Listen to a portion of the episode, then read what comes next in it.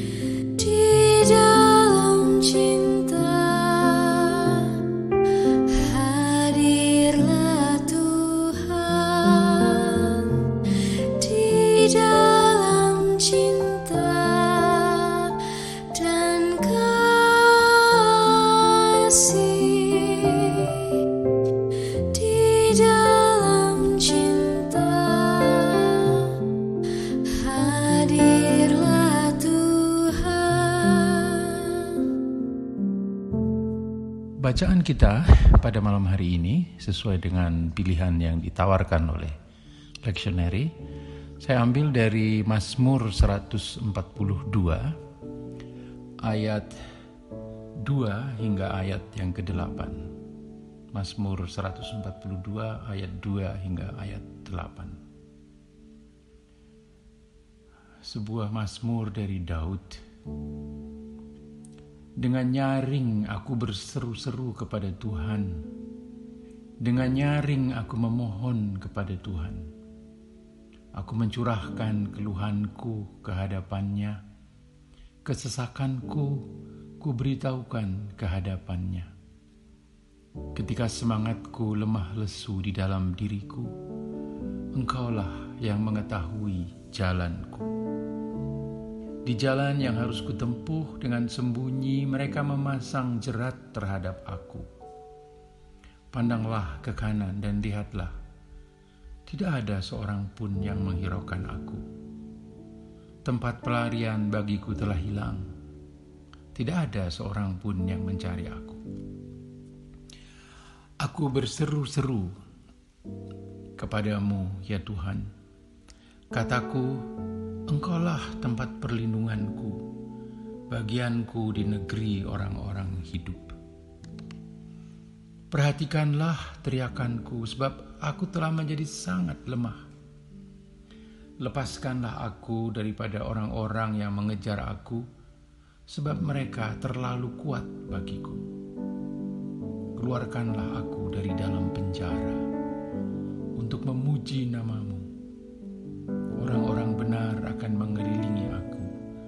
apabila engkau berbuat baik kepadaku. Nah, saudara-saudara sekalian, dalam bahasa aslinya, Mazmur ini bersifat maskil, artinya kontemplasi yang bermuatan pengajaran. Kecakapan Daud dalam bermusik, kita mengenal Daud sebagai pemain harpa yang baik dan berpuisi serta keberaniannya dan prestasi Daud sebagai prajurit dan kesetiaan Daud kepada Allah diduga menjadi awal rasa iri hati Raja Saul kepada Daud. Iri hati itu berubah menjadi kemarahan yang memuncak pada waktu Raja Saul mengetahui bahwa Daud telah dipilih oleh Allah untuk menggantikan Saul kelak, bukan Yonatan, sang putra mahkota yang akan menggantikan dirinya. Dan sejak saat itu Daud menjadi target pencarian, penangkapan dan pembunuhan oleh Raja Saul. Sementara kita tahu bahwa diam-diam Yonatan, sang putra mahkota dan Daud adalah dua sahabat karib, dan Yonatan rela atas pilihan Tuhan yang jatuh pada Daud sebagai pengganti sang ayah kelak. Nah, berhadapan dengan kemarahan Raja Saul, sekarang Daud mau berlari dan bersembunyi di mana? Pelariannya itulah yang membawa Daud bersembunyi ke dalam sebuah gua. Gua Adulam menjadi tempat yang sunyi dan hening serta terpisah dari keramaian. Di tempat itu Daud khusuk dalam doanya saat menghadapi ancaman kematian yang sejauh itu tidak ada respon serta bantuan yang dapat diandalkan dari orang-orang di sekitarnya. Tidak mustahil Daud belum pernah seserius ini dalam doanya kepada Allah. Dalam keterjepitan dan pengejaran yang dialami, Daud menolak diam. Dan dikatakan di situ pada ayat 2 dengan nyaring berseru-seru dan memohon kepada Tuhan. Teriakan Daud bukan teriakan kemarahan, tetapi teriakan untuk menyampaikan kesulitannya kepada Tuhan.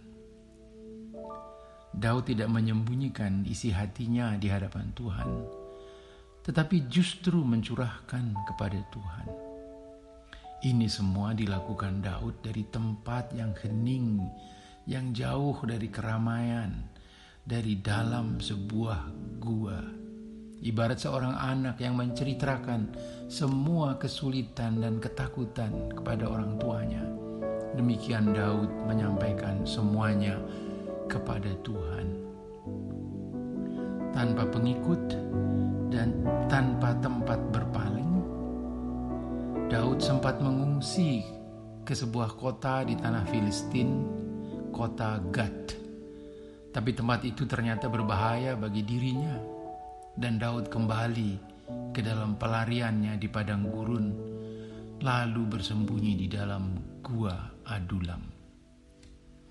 Pada ayat 4b, Daud mengatakan bahwa hanya Tuhanlah yang mengetahui jalanku. Artinya Daud yakin betul bahwa Tuhan tidak pernah meninggalkan dia. Kesulitannya digambarkan sebagai jerat yang dipasang orang untuk Daud. Dan Daud tidak tahu di mana jerat itu diletakkan. Tetapi Daud mengetahui bahwa orang sedang berusaha menjerat dia. Dalam situasi semacam itu Daud menyaksikan bahwa tidak seorang pun yang menghiraukan dirinya. Seperti hendak membuktikan kesulitannya, Daud mengajak Tuhan untuk memandang ke sebelah kanan Daud, ayat 5.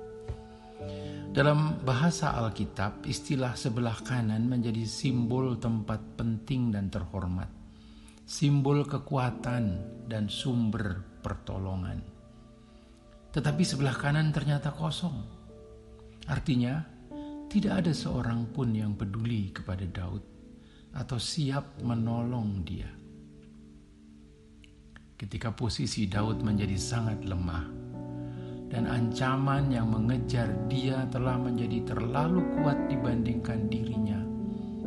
Daud tetap memandang dan meyakini bahwa Tuhanlah tempat perlindungannya. Daud juga menolak kematian karena kematian belum menjadi bagiannya. Demikian keyakinan Daud, dan dia berteriak, "Bagianku di negeri orang-orang hidup." Ayat 6b. Artinya, Daud paham betul bahwa kematian belum saatnya bagi diri. Karena itu ia berteriak pada ayat 8, Keluarkanlah aku dari dalam penjara. Penjara menjadi ibarat keadaan yang mengungkung dirinya serta menghalangi untuk melakukan panggilannya. Suatu keadaan yang membuat orang seperti lumpuh bahkan terancam kematian. Dan Daud sadar akan hal itu serta berusaha menolaknya dengan berseru kepada Tuhan agar Tuhan segera menolongnya. Keyakinan Daud itu ternyata tidak sia-sia. Dan Tuhan menjawab dengan cara yang berkelimpahan dan mengirimkan saudara-saudaranya dan seluruh keluarganya ke sana mendapatkan dia yang kemudian diikuti oleh kira-kira 400 orang. Kita tahu ini semua dari kesaksian 1 Samuel pasal 22 ayat 1 dan ayat yang kedua. Dan peristiwa itu menjadi titik balik yang merupakan embrio atau awal dari pemerintahan Daud atas negerinya. Nah, saudara-saudara sekalian, pernahkah Anda merasa seperti sedang dipenjarakan oleh situasi dan masalah yang sedang Anda hadapi? Dan pernahkah Anda berteriak kepada Tuhan di dalam doa Anda untuk menyampaikan keterjepitan Anda itu. Mungkin Mazmur ini perlu Anda renungkan secara mendalam maknanya bagi kehidupan Anda, khususnya bagi relasi Anda dengan Tuhan. Amin. Mari kita naikkan doa Bapa kami dalam nyanyian berikut.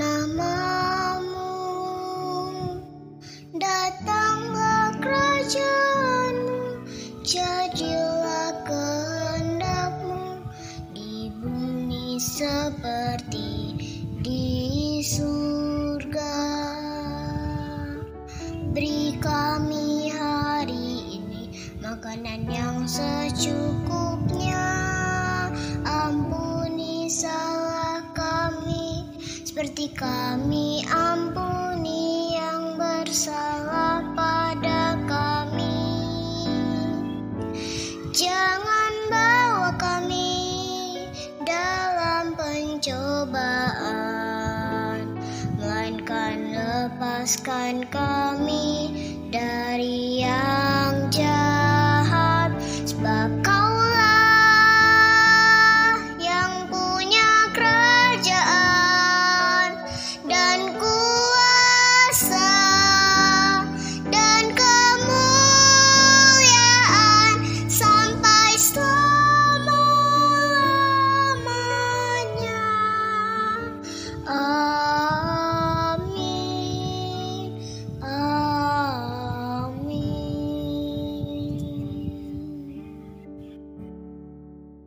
kasih Tuhan, kami boleh belajar dari keakraban hubungan Daud dengan dirimu. Kami merindukan keakraban yang sama. Ajarlah kami untuk membangun relasi akrab dan transparan dengan dirimu. Jujur dalam ungkapan-ungkapan doa kami, bukan berbahasa basi, bukan bertele-tele, atau sekedar ungkapan-ungkapan sungkan dan rikuh pakewuh bahkan berteriak kepadamu, manakala kami rasa dengan teriakan kami itu, kami berkomunikasi sejujurnya dengan dikau. Dengarkanlah teriakan kami ya Tuhan, dalam pengasihanmu kami mohon. Tuhan.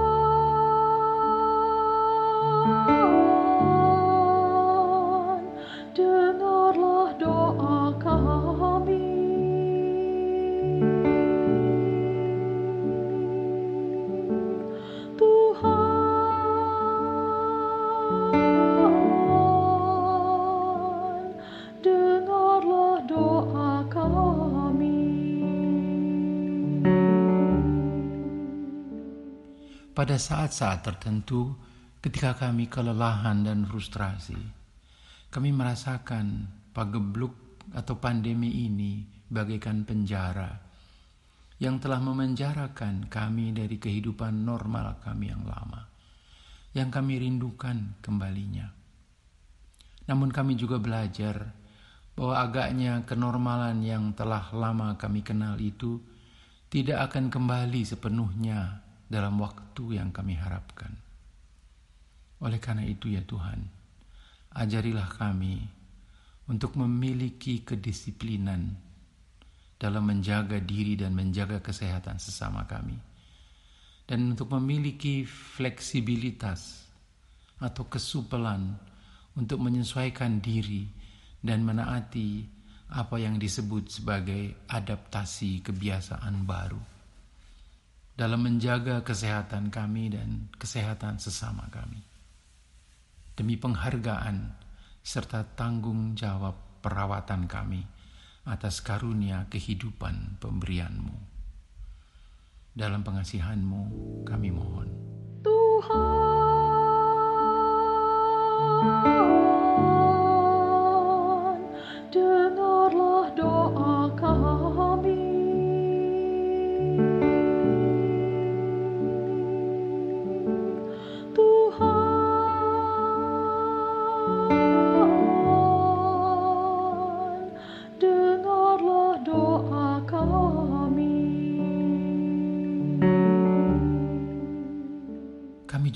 mendoakan pemerintah di negara kami dan di negara-negara mana pun di bumi kami yang hanya satu ini. Beserta aparatnya dan semua pihak yang bekerja dan berusaha dengan sungguh-sungguh dan benar dalam menjaga kehidupan dan kesejahteraan warga negaranya. Dengan mengupayakan semua kemungkinan untuk meringankan dari dampak pandemi ini baik dari segi kesehatan maupun segi ekonomi, politik, sosial, bahkan keadilan. Kepada pemimpin yang tidak peduli terhadap dampak pandemi ini, kiranya Tuhan menyatakan kearifanmu untuk menegur mereka atau menggantikan mereka dengan orang yang tepat demi keberlangsungan pemeliharaanmu atas kehidupan manusia yang engkau kasihi. Dalam pengasihanmu